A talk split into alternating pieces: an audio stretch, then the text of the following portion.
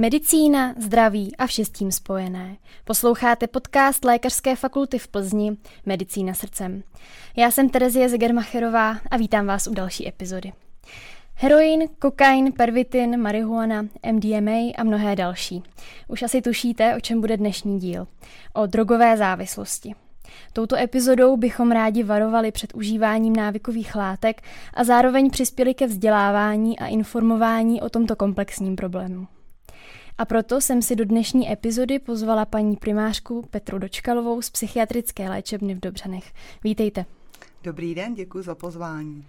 Já bych se na úplném začátku dovolila na chvilinku jen lehce vzdálit od toho tématu závislostí, protože bych se vás ráda zeptala, proč jste si vlastně vybrala obor psychiatrie?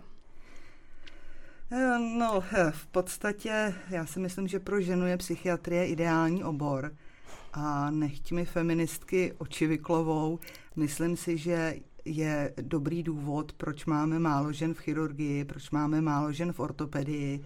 Myslím si, že eh, jsou to opravdu mužské domény, ať už z ohledu na fyzickou zdatnost, schopnost odolávat stresu a tak dál a tak dál.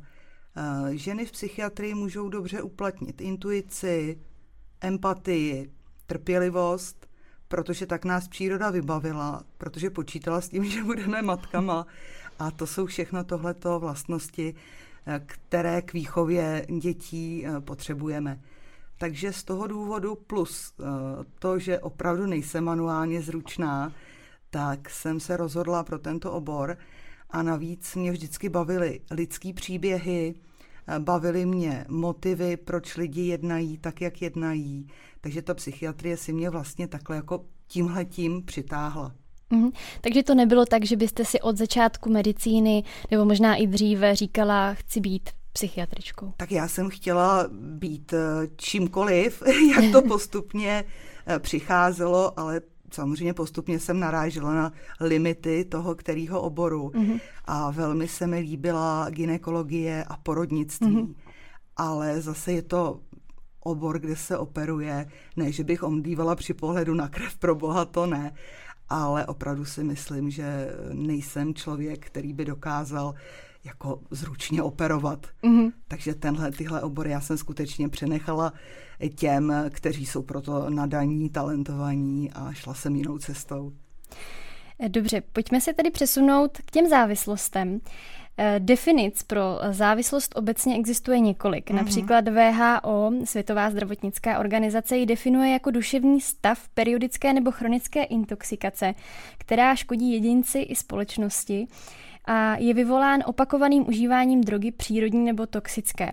Já bych ale chtěla slyšet, jak byste závislost definovala vy vlastními slovy. Uh, já bych závislost definovala vlastními slovy tak, že to je stav, situace, kdy nás samotné přeroste touha užívat nějakou návykovou substanci. Kdy mm-hmm. si už neumíme představit život bez ní, kdy nám užívání té které návykové substance působí v životě problémy, kdy strádají naše sociální vazby, kdy už je v ohrožení naše pracovní zařazení, pracovní kariéra, kdy už to poškozuje naše zdraví a my sami uh, jsme drogu postavili na první místo ve svém hodnotovém žebříčku. Mm-hmm. Vy jste říkala, že je to touha. V čem ta touha má kořeny? Kdybychom měli ty kořeny závislosti definovat, kde se to vlastně v lidech eh, bere? Eh, proč vlastně někteří lidé jsou závislí a někteří, i přesto, že třeba tu danou látku eh, užijí, se těmi závislými nestanou? Jsou v tom nějaké třeba osobnostní dispozice někdy?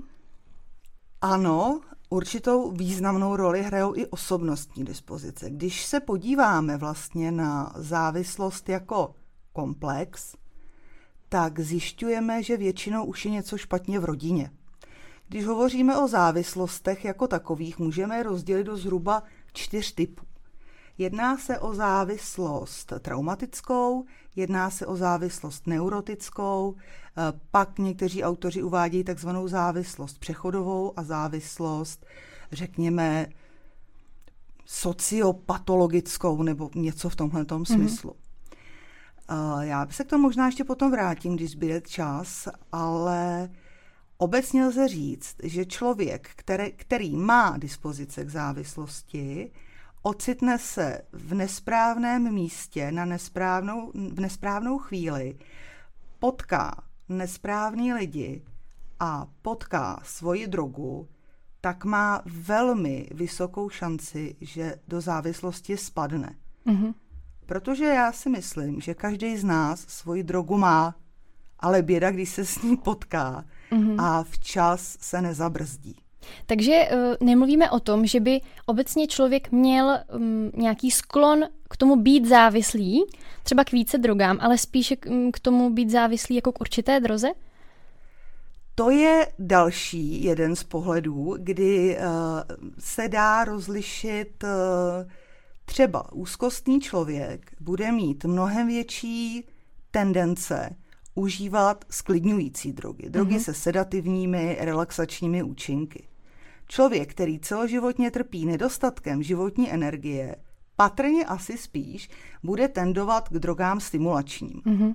Jo, takže to je zase další faktor. Mm-hmm. A když bych se vrátila k těm čtyřem typům, které podle mě docela dobře ilustrují to, jak závislost vzniká, tak eh, třeba začneme tou, eh, tou eh, sociopatogenní, kdy v rodině toho závislého, po případě budoucího závislého, třeba dominují znaky, znaky psychopatologie, asociality u členů té rodiny, mm-hmm. kriminální jevy, kde ta závislost v podstatě není až tak primární, ale pojí se víceméně k tomu disociálnímu životu té rodiny. Mm-hmm. Protože my víme, že to, co žijeme v dětství, to, co žijou naše rodiče, my máme tendenci považovat za normu.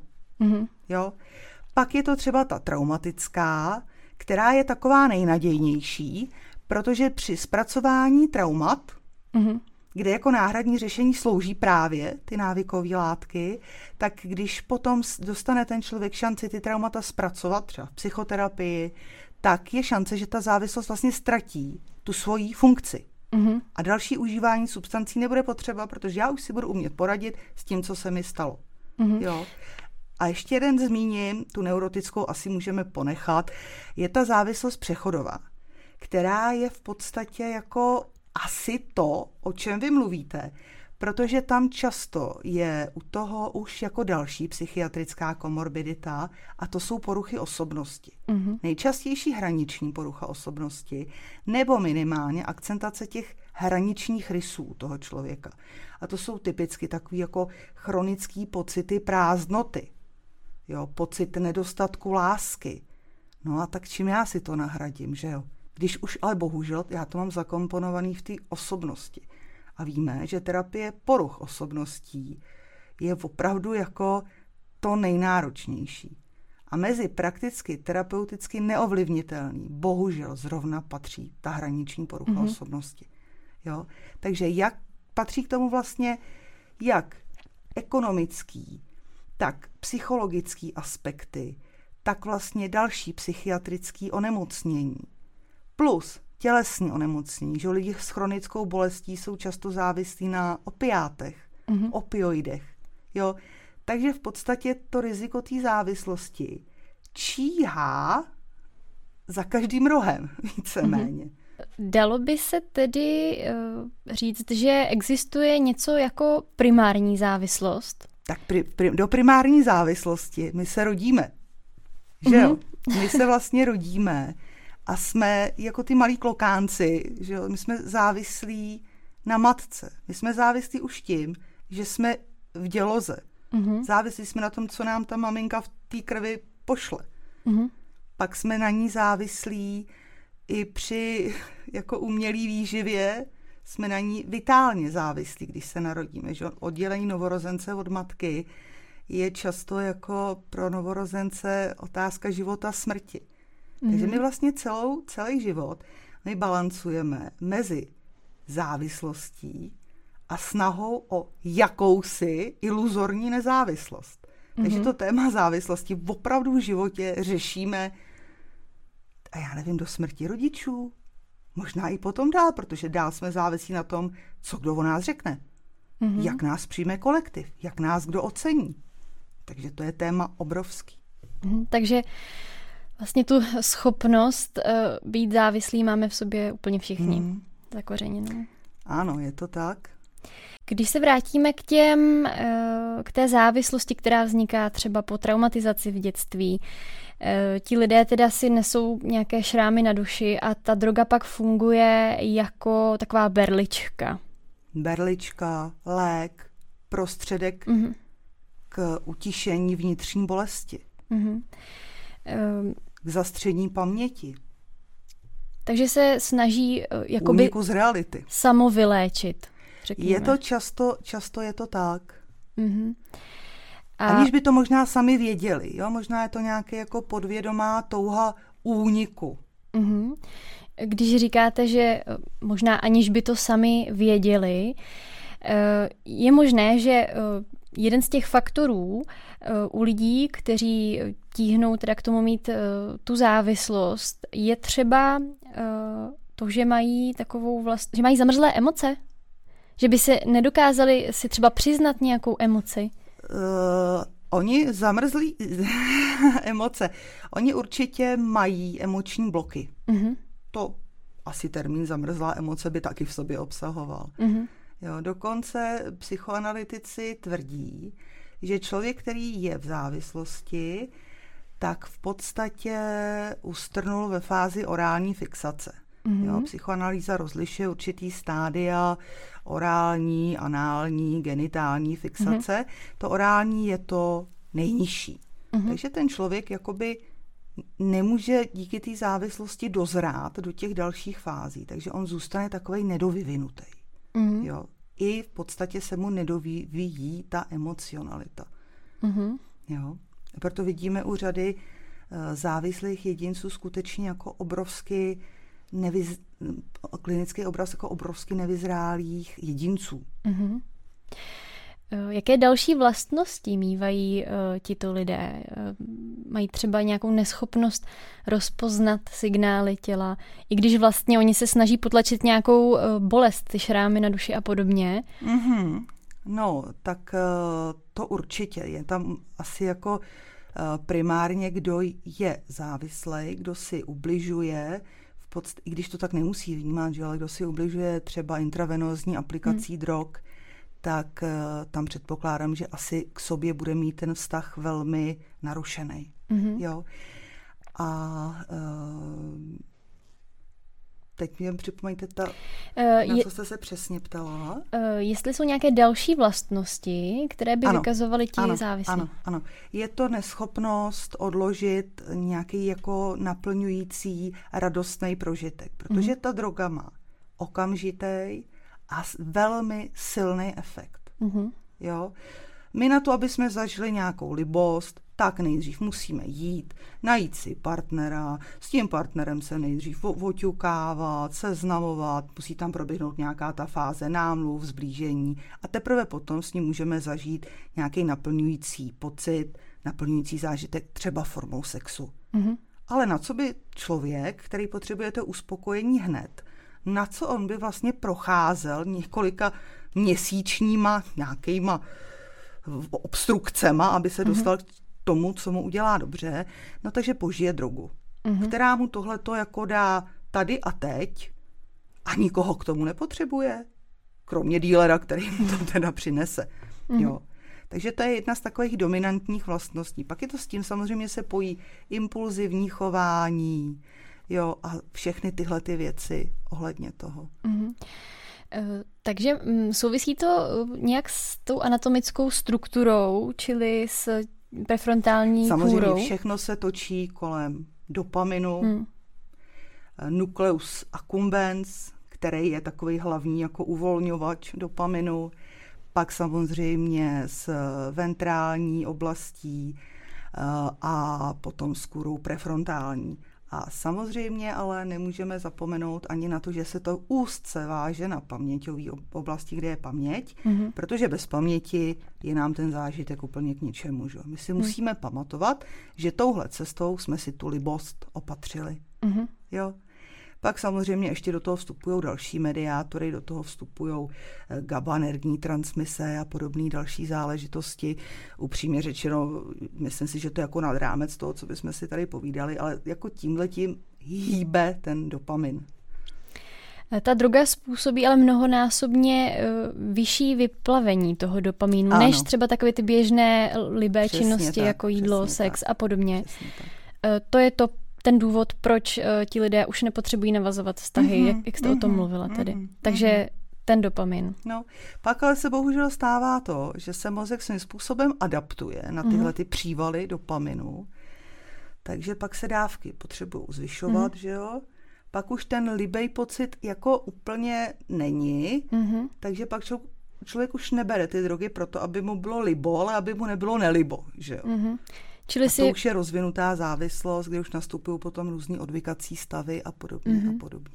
Čili si vlastně rozmazlujeme mozek. Ano, rozmazlený mozek je velmi, velmi jako trefný a dokonce snad i oficiální pojem patologie je rozmazlený mozek. Vy jste se připravovala. To, to, ale to jsem nevěděla teda. ano, to skutečně existuje. Je to rozmazlený mozek, ne tak něco mu nestačí. Eh, když už k vám ti pacienti do léčebny dorazí, mm-hmm. tak už si asi někdy uvědomili, že tedy dělají něco špatně. Buď jim to řeklo okolí, nebo oni sami by to asi měli pochopit. Nebo jim to nařídil soud. Nebo jim to nařídil soud. V tom případě, možná o to víc, eh, bych se zeptala, jak, jakým způsobem se vlastně snažíte navést, aby pochopili, že ta látka, kterou užívají, je vlastně pro ně takový destruktor, ničitel. Nebo už to chápají sami, když přichází? No, já pracuji v podstatě s dvojím typem klientely. Jedna je ta, která opravdu přichází uh, zvenčí a přichází dobrovolně. To mm-hmm. jsou mhm. klienti v režimové léčbě a druhou částí jsou klienti, uh, který už mají nařízenou ochranou ústavní léčbu. To znamená, že na užívání drog už byla předtím navázaná nějaká jako trestná činnost a ty lidi přicházejí z výkonu trestu. Mm-hmm. Jo? A samozřejmě je to veliký rozdíl v tom.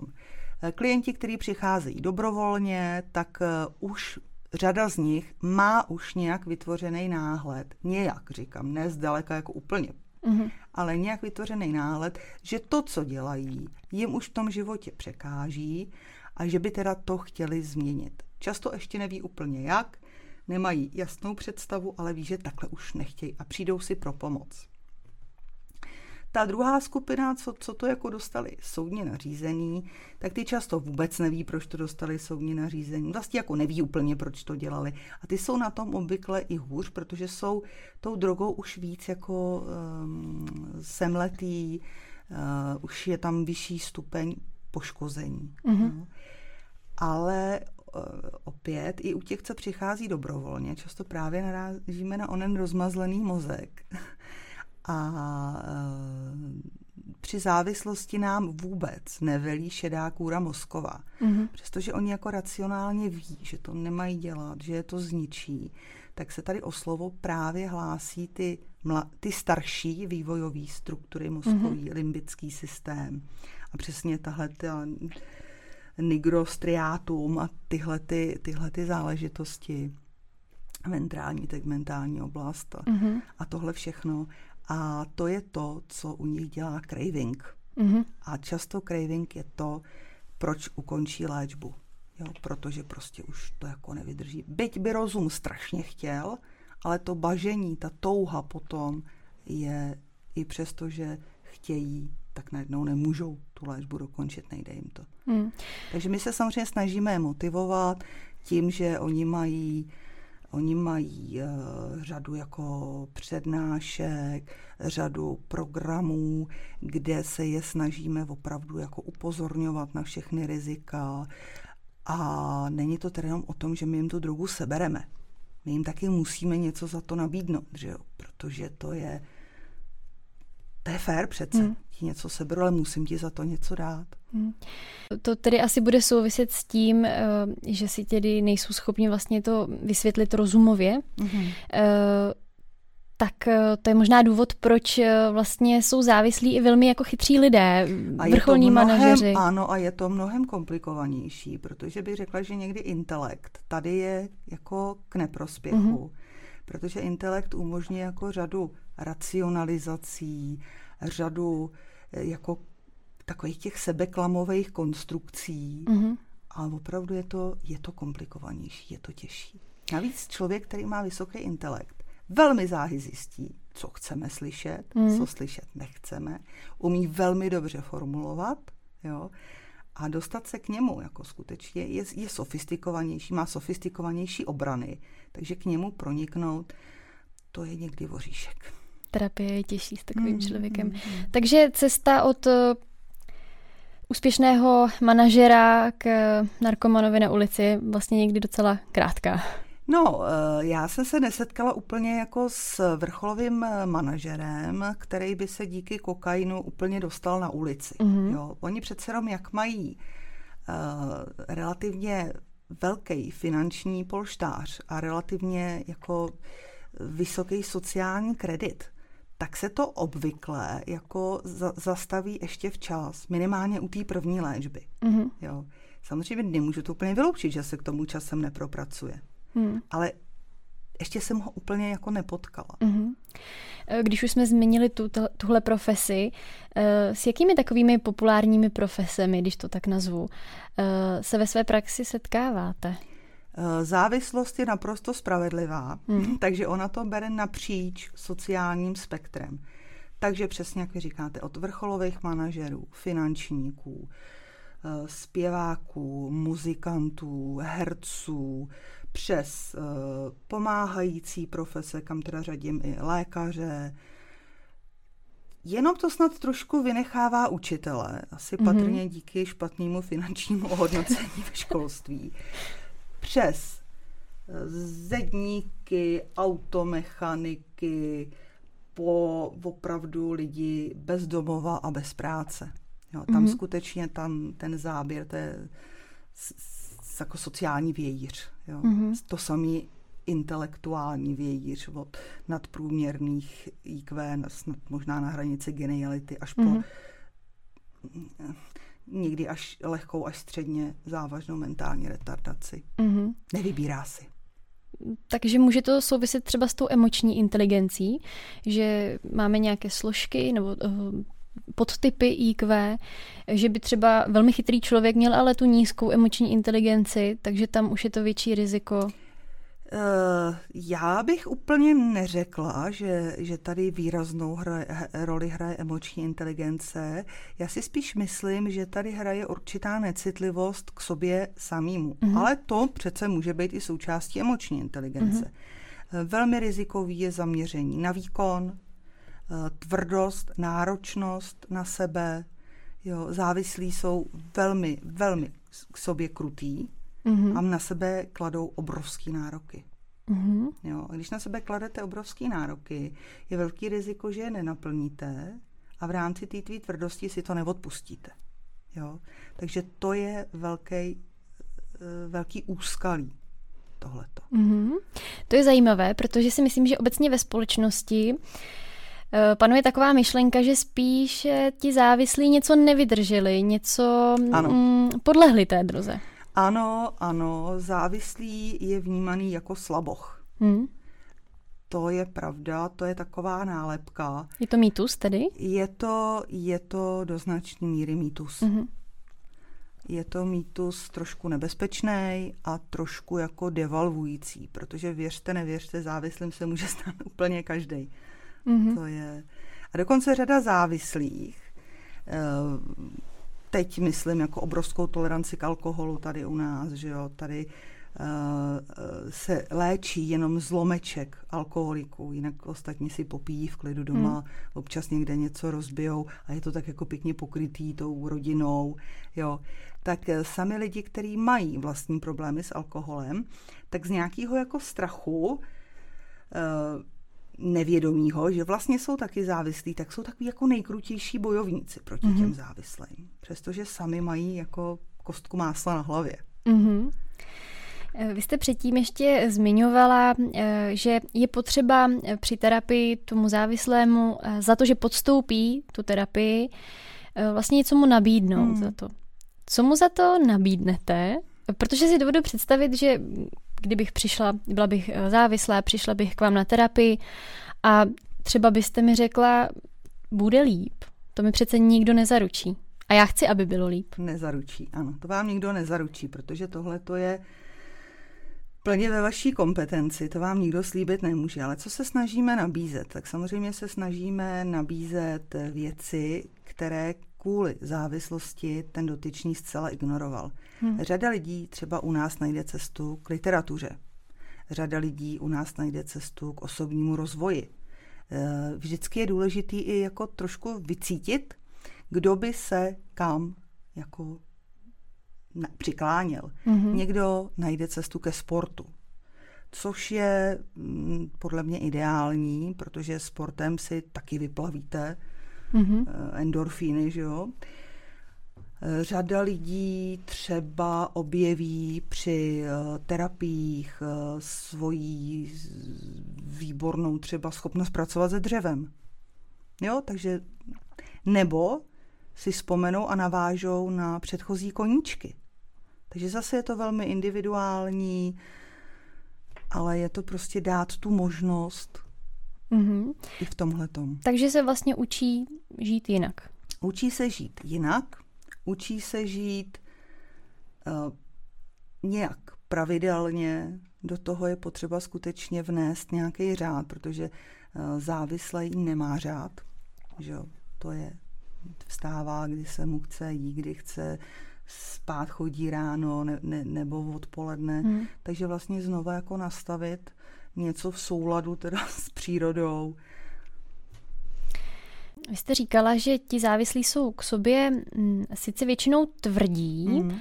ale zároveň, že hlavně ti eh, chytřejší eh, vlastně jdou na tu terapii tak jako sofistikovaně, kličkují, hmm. učíte se s nimi, nebo učíte je vlastně před sebou jakoby nezametat ty problémy. To víte, že jo. Je to, je to, to víte, jedna z třeba z těch i vlastností, jak jsme předtím říkali. Léčba závislosti je hlavně o tom, aby člověk k sobě byl pravdivý, aby před sebou neutíkal, aby se naučil znát svoje slabiny, ale aby se taky naučil znát to, v čem eh, je jeho síla.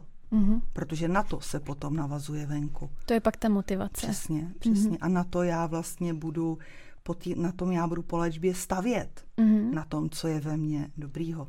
Nedochází třeba při té léčbě e, někdy jako ke generalizaci té závislosti, že třeba by přišel závislý na pervitinu a mm, vytvořil by si potom závislost na nějakou lehčí drogu. Závislosti mají tendenci se převlíkat, mm-hmm. samozřejmě. Proto vždycky všem doporučujeme abstinovat kompletně od všech návykových látek, včetně léků na předpis. Mm-hmm. Jo, pochopitelně, že ano, protože závislost je typ chování, je to závislostní chování. My třeba vidíme, že když u nás eh, chlapci končí s pervitínem, tak se začnou přejídat. Mm-hmm. Jo. Když alkoholik končí s alkoholem v té léčbě, tak má najednou brutální chuť na sladký.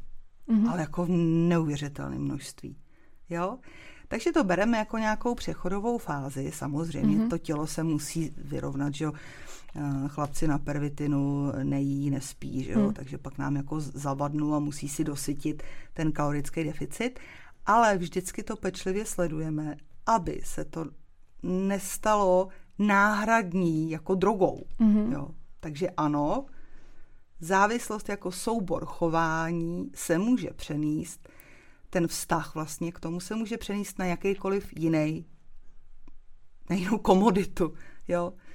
Teď třeba zrovna v léčbě máme eh, člověka, který velmi excesivně sportuje. Mm-hmm. Jo, ten vyměnil eh, stimulanci za sport.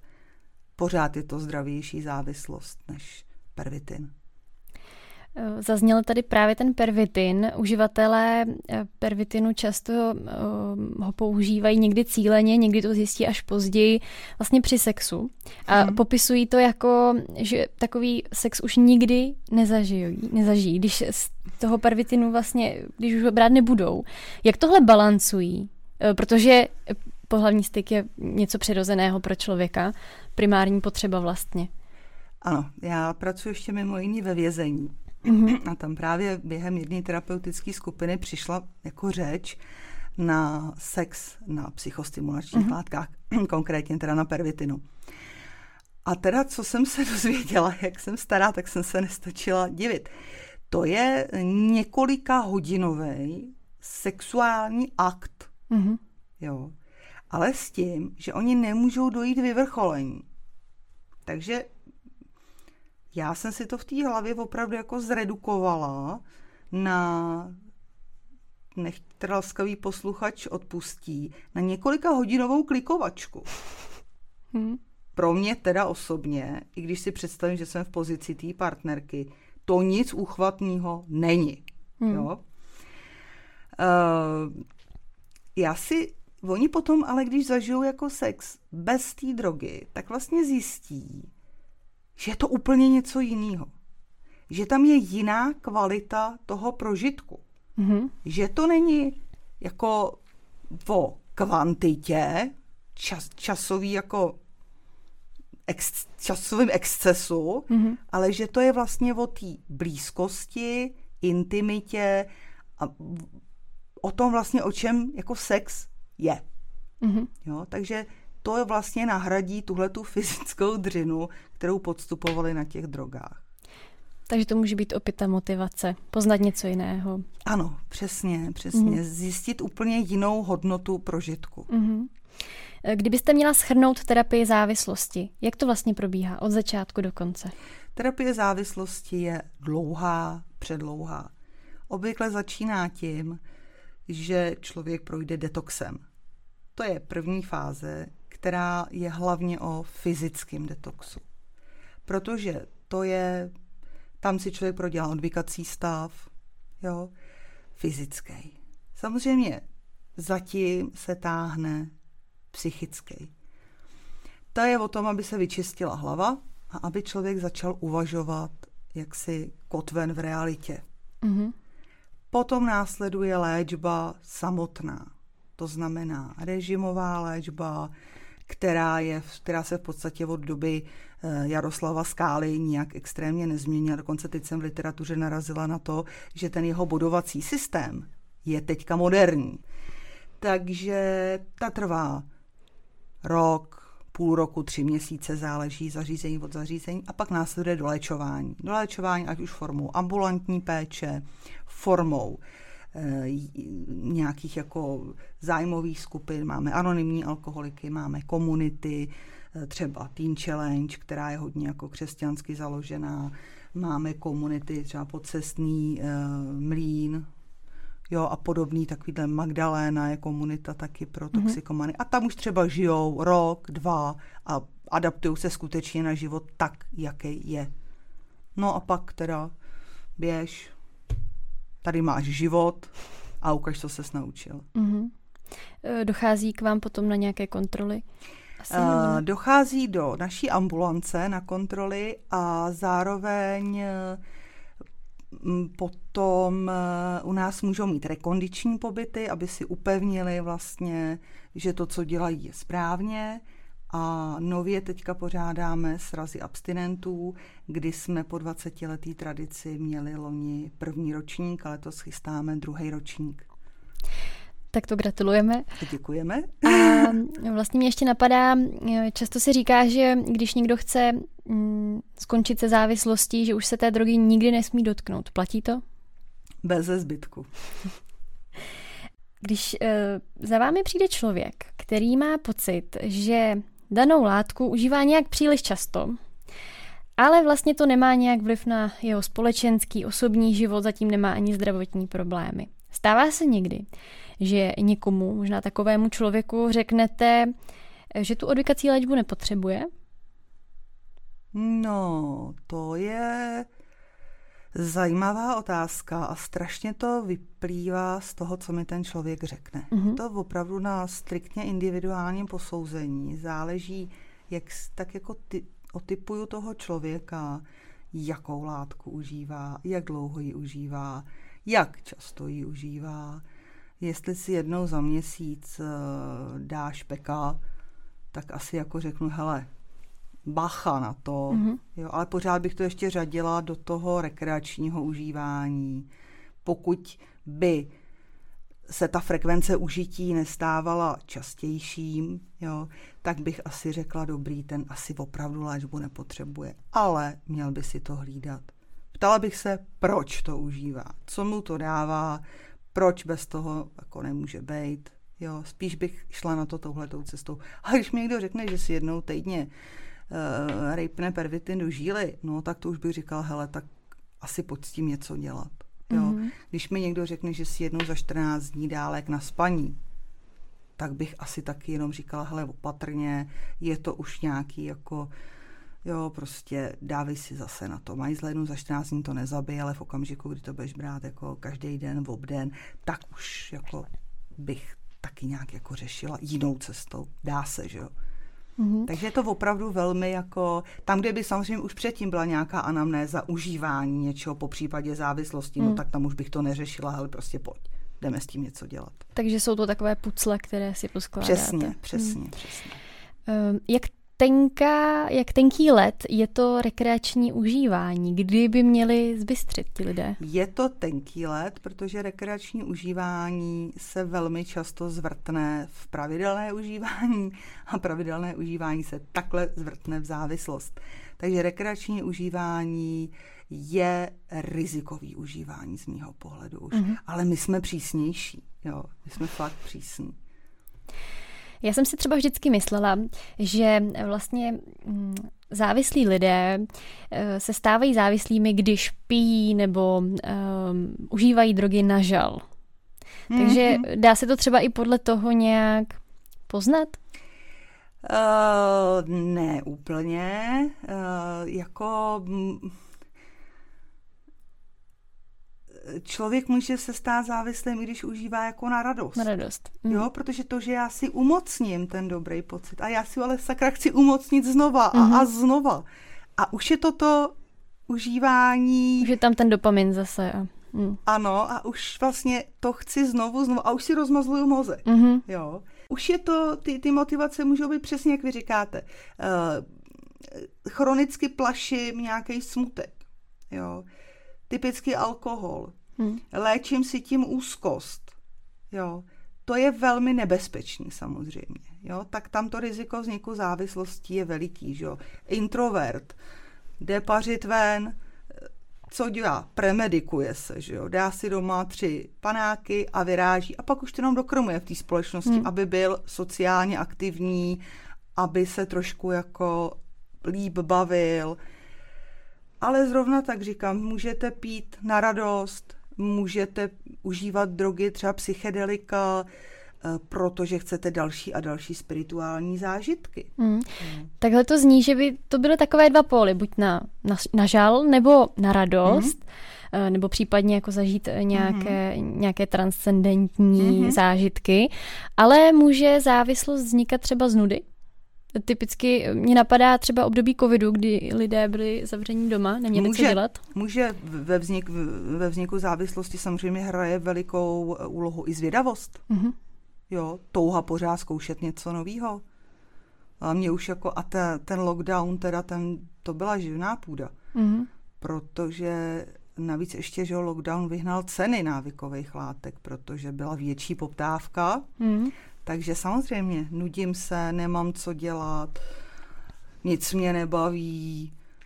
Ano, samozřejmě život, to, to byla nuda, že jo, lockdown byl šeť, hmm. šeť, takže samozřejmě taky, taky. Uh, Ale to se spíš začalo pít teda. Uh, ne, jako, než přímo drogy. Mhm. Mm, jako pití, alkohol, ten frčel hodně. Tak to může být možná i dáno tím, že se lidé nemohli dostat k těm drogám hmm. tak snaz, snadno ano, jako k alkoholu. Ano, ano. Když se vrátíme k té léčbě, zařazujete do terapie také duchovno, ehm, protože třeba některé ehm, drogy mm, způsobí takové ty spirituální prožitky. Jestli třeba se to nesnažíte nějak nahradit tady tím způsobem? Já jsem s duchovnem opatrná mm-hmm. protože na to slyší relativně úzký výřez. Mm-hmm. Ale tam, kde jako zavnímám, že ten člověk touží po něčem, po nějakým přesahu, tam se toho nebojím.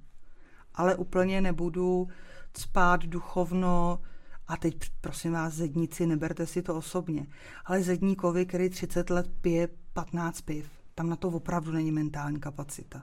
Hmm. A mám spíš pocit, že takového člověka bych otrávila, znudila nebo vyděsila. Hmm. Jo? Takže určitě, určitě takový jako eh, výlety za hranice všedních dnů, eh, proč ne, ráda podniknu, ale pouze člověkem, který je tomu jako nakloněný. Hmm. To jsme probrali vlastně tu léčbu. Drogy um, zcela jistě zanechávají následky, mm-hmm. právě zejména ty, dro- eh, ty tvrdé, ale vlastně i, i ty lehčí drogy, uh, alkohol, nevýjímaje. Uh, je snažší léčit uh, následky fyzické nebo psychické? Oboje se léčí velmi špatně. Hmm. Ale rozhodně dřív jsme schopní vyléčit fyzický následky. Některý některý, jo. Ale e, ta psychika, protože my o těch fyzických víme mnohem víc. Jo, játra můžeme transplantovat. E, delirium umíme vyléčit. Můžeme zmírnit e, neuropatii etylického původu. Nemůžeme už třeba vyléčit atrofii při pokročilých mm-hmm pokročilých stádiích teda závislosti. Nemůžeme vyléčit vernikou, encefalopatii a další a další věci. Jo? Ale to už je na pomezí fyzického a psychického. Neumíme léčit etylickou demenci.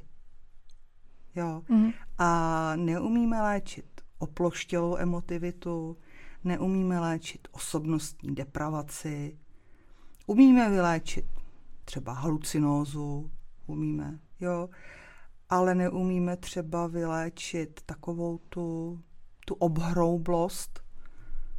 To taky neumíme. Citový vychudnutí. Neumíme. Takže já skoro bych řekla, že se hůř napravují ty psychické škody. Hmm. Možná kolegové ze somatických oborů by mi oponovali, ale já to prostě vidím tím prismatem psychiatrie. Hmm. Eh, teď budu mít možná trošku osobní dotaz. Mm. Omlouvám se za něj dopředu. Já jsem se totiž snažila eh, vžít do eh, závislého člověka. Jde to teda těžko. Ale říkala jsem si, kdybych tak přišla k vám na terapii, tak jsem si říkala, že ti lidé by se možná mohli jako... Mohli by vám říkat, paní doktorko, vždyť ale vy mi nemůžete rozumět, vy jste tu drogu neskusila. Mm-hmm. A byl by možná docela dobrý argument říct, ale zkusila. Jo, já neříkám, že jsem nikdy nic neskusila. Já jsem samozřejmě byla velmi zvídavá, takže jsem zkusila, ale co samozřejmě všichni zkoušeli alkohol a dokud jim nebylo 18, tak toho vypili nejvíc, že dokud se to nesmělo. To byl i můj případ. Zkoušela jsem trávu, Ježíš Maria dvakrát a pochopila jsem, že jako opravdu tohle pro mě není. Mm. Vždycky jsem se dostatečně společensky znemožnila, takže jsem říkala jako ne, asi jsem radši pánem ve svém hradu, takže ale já teda kouřím, eh, takže já vím, co to je jako mm. být závislý, protože říká se, že kouření, jako zbavit se kouření je stejný úsilí, jako zbavit se heroinu. Jo, mm-hmm. takže byť jsem počet cigaret jako zredukovala na absolutní minimum a přešla jsem na nejmenovaný uh, moderní způsob jaksi kouření, tak si pořád myslím, že to zdraví není. Takže jako já vím, vím v podstatě jako o čem mluvím. Mm-hmm. V poslední době se na internetu rozšířilo téma užívání ayahuasky v tom mhm. léčebném kontextu. Co si o tom myslíte? Tak eh, já mám k tomu takový jako velmi rozporuplný postoj. Eh, řada mých přátel to vyzkoušelo, jedna kamarádka dokonce kvůli tomu byla skutečně v Peru, mm-hmm. zažila ten rituál v tom pralese, eh, její život se potom jako opravdu změnil, opustila republiku, opustila práci, teď podniká v Tanzánii. Podniká mm-hmm. velmi úspěšně, má tam továrnu na ruční šití bot. Mm-hmm. Říkám si, Kdyby rituál nepodstoupila, dokázala by to, udělala by to, nevím. Další jako kolegyně to podstoupily taky, ale bez nějakých úplně jako změn. A zažil, bohužel jsem slyšela skutečně jako od z důvěryhodných zdrojů, že to toho člověka poškodilo. Hmm. Poškodilo ho to tak. To vím o dvou případech, kdy ten člověk jako spsychotičtěl během toho rituálu. A spsychotičtěl tak, že jeden málem zemřel, protože během toho rituálu utek někam do pouště. Teď ho tam museli hledat, pak ho někde jako léčili, teprve potom se ho povedlo převíst do Česka, což bylo neuvěřitelně finančně, administrativně náročný pro tu rodinu. A další tam podlehla nějaký jako bludný produkci, že tu šamanku měla zavraždit, no a bylo to taky brutální. Jo. Všichni od všeho dali ruce pryč, hmm. nikdo vůbec se k ničemu neměl. Uh, tyhle ty rituály se dostaly do rukou. Tam je totiž jako každý šaman v tom hmm. Peru. Jo? Kdo si tam uzme nějakou tu liánu, tak je hned šaman. Takže se to dostalo do ruky těmhle těm jako pseudošamanům a je to velký průšvih. Na druhou stranu, eh, ta droga dokáže skutečně jako neuvěřitelné věci s tou psychikou. Ona ji dokáže otevřít, lidi zažívají obrovský pocit jako propojení s univerzem, se zemí, zažívají takový ten pocit, že jsou součástí toho všeho velkého dění. Hmm. Jo, takový to, co já si představuju, že dřív ten člověk civilizací nezdemolovaný zažíval. Takže pro moderního člověka je to něco obrovského tohle zažít. Jo. No ale tyhle ty případy, ty mě od toho hodně odrazují. Hmm. Zase jako červík zvědavosti říká, hele, hele, bylo by to dobrý. Ale spíš teda já osobně to nepodstoupím. Jo. A co takové užívání eh, nebo používání MDMA, extáze, eh, v terapii, v terapii PTSD, posttraumatické hmm. stresové poruchy? To se teďka ukazuje jako velmi nadějná cesta. Já teda nemám informace o tom, že by se to dělo u nás, ale opravdu možná jenom nemám informace. A je to, eh, není to teda úplně jako metoda první volby, samozřejmě předtím jako jsou jiný, jiný léčby, včetně třeba terapie, SSRI, antidepresivy, psychoterapie a podobně. Eh, já mám eh, informace teda z angloamerického světa, kde se to už tak jako nějak jako na, zejména teda veteránech, válečných mm-hmm. veteránech, kde se to zkouší. Probíhá to v podstatě formou settingu, kde je teda ten, řekněme, pacient a k tomu jsou dva terapeuti, eh, muž a žena. Eh, je potřeba, aby toto sezení eh, probíhá asi probíhá je to jako v řádu několika hodin. Jo? Není to nic, jako že si tam něco vemete, tři čtvrtě hodiny se, se něco děje. Je to opravdu jako velmi dobře ošetřený. Takže já nevím, třeba sedm hodin. Jo? Eh, dává se vstupně asi 125 mg extáze a mm, asi do hodiny, do hodiny a půl vlastně už se rozjede ten efekt. Ta extáze má výhodu v tom, že ona neblokuje přístup k paměti. Mm-hmm. No, takže ty vzpomínky, ta traumata se opravdu vybavují tak, jak se stala. Není to zkreslený. No a cílem vlastně je vybavení toho traumatu, takže člověk skutečně jako prožívá to, co se stalo, ale prožívá to v bezpečném, chráněném prostředí, v prostředí důvěry, která ta důvěra se samozřejmě vybuduje hned nějak na začátku toho sezení. A um, tam si čo, odžije to trauma a následně potom je, se to trauma jako integruje. To znamená, že se to zpracovává, člověk neodchází s nějakým otevřeným traumatem jako do džungle. Jo, skutečně mm. se to uzavírá, uh, nějakým způsobem se to přetváří. Ty lidi obvykle, ty terapeuti mají, nebo měli by mít zkušenost s léčbou PTSD, jako a mm. samozřejmě sami by měli mít zkušenosti i s MD, MA, mm. aby vůbec věděli, co to dělá, aby měli nějakou představu o tom, co se v tom klientovi odehrává. Mm. Takže um, kam Uvidíme, uvidíme, kam to půjde dál. Mm-hmm. Samozřejmě jsou tam taky kontraindikace, není to metoda pro všechny, že oni rovnou třeba vybírají lidi, kteří aktivně užívají jiné drogy. Jo, tam mm-hmm. je potřeba, nevím, asi tříměsíční jako období uh, úplný abstinence. Neberou lidi, kteří jsou aktuálně medikovaní jinýma látkama. Mm-hmm. Neberou těhotné ženy. A myslím, že jedno z takových jako velmi přísných vyřazovacích kritérií je sebevražednost. Mm-hmm. Takže není to úplně jako přijdeš z ulice, tam ti něco dají a můžeš si odžít trauma. Je to, myslím si, že propracovaná metodika. Tak uvidíme, jestli se to do budoucna hmm. uchytí i u nás. Eh, vlastně poslední dotaz bych eh, vztáhla k látkám, které vlastně jako drogy ještě úplně nazývat nemůžeme, ačkoliv eh, jsou velmi spekulované. Nyní, teda v roce 2023, jsou v České republice běžně dostupné látky jako kratom, z rostliny Mitragina speciosa. Většina uživatelů ho užívá vlastně jako stimulant, něco místo vlastně kávy. Nebo třeba HHC, hexahydrokanabinol. Eh, což je novinka z řady hmm. tedy kanabinoidů. Jak moc je to z vašeho pohledu nebezpečné? A čím to je nebezpečné, pokud ano? Eh, čím to je nebezpečné? Tak hlavně tím, že my o tom v podstatě zatím moc nevíme.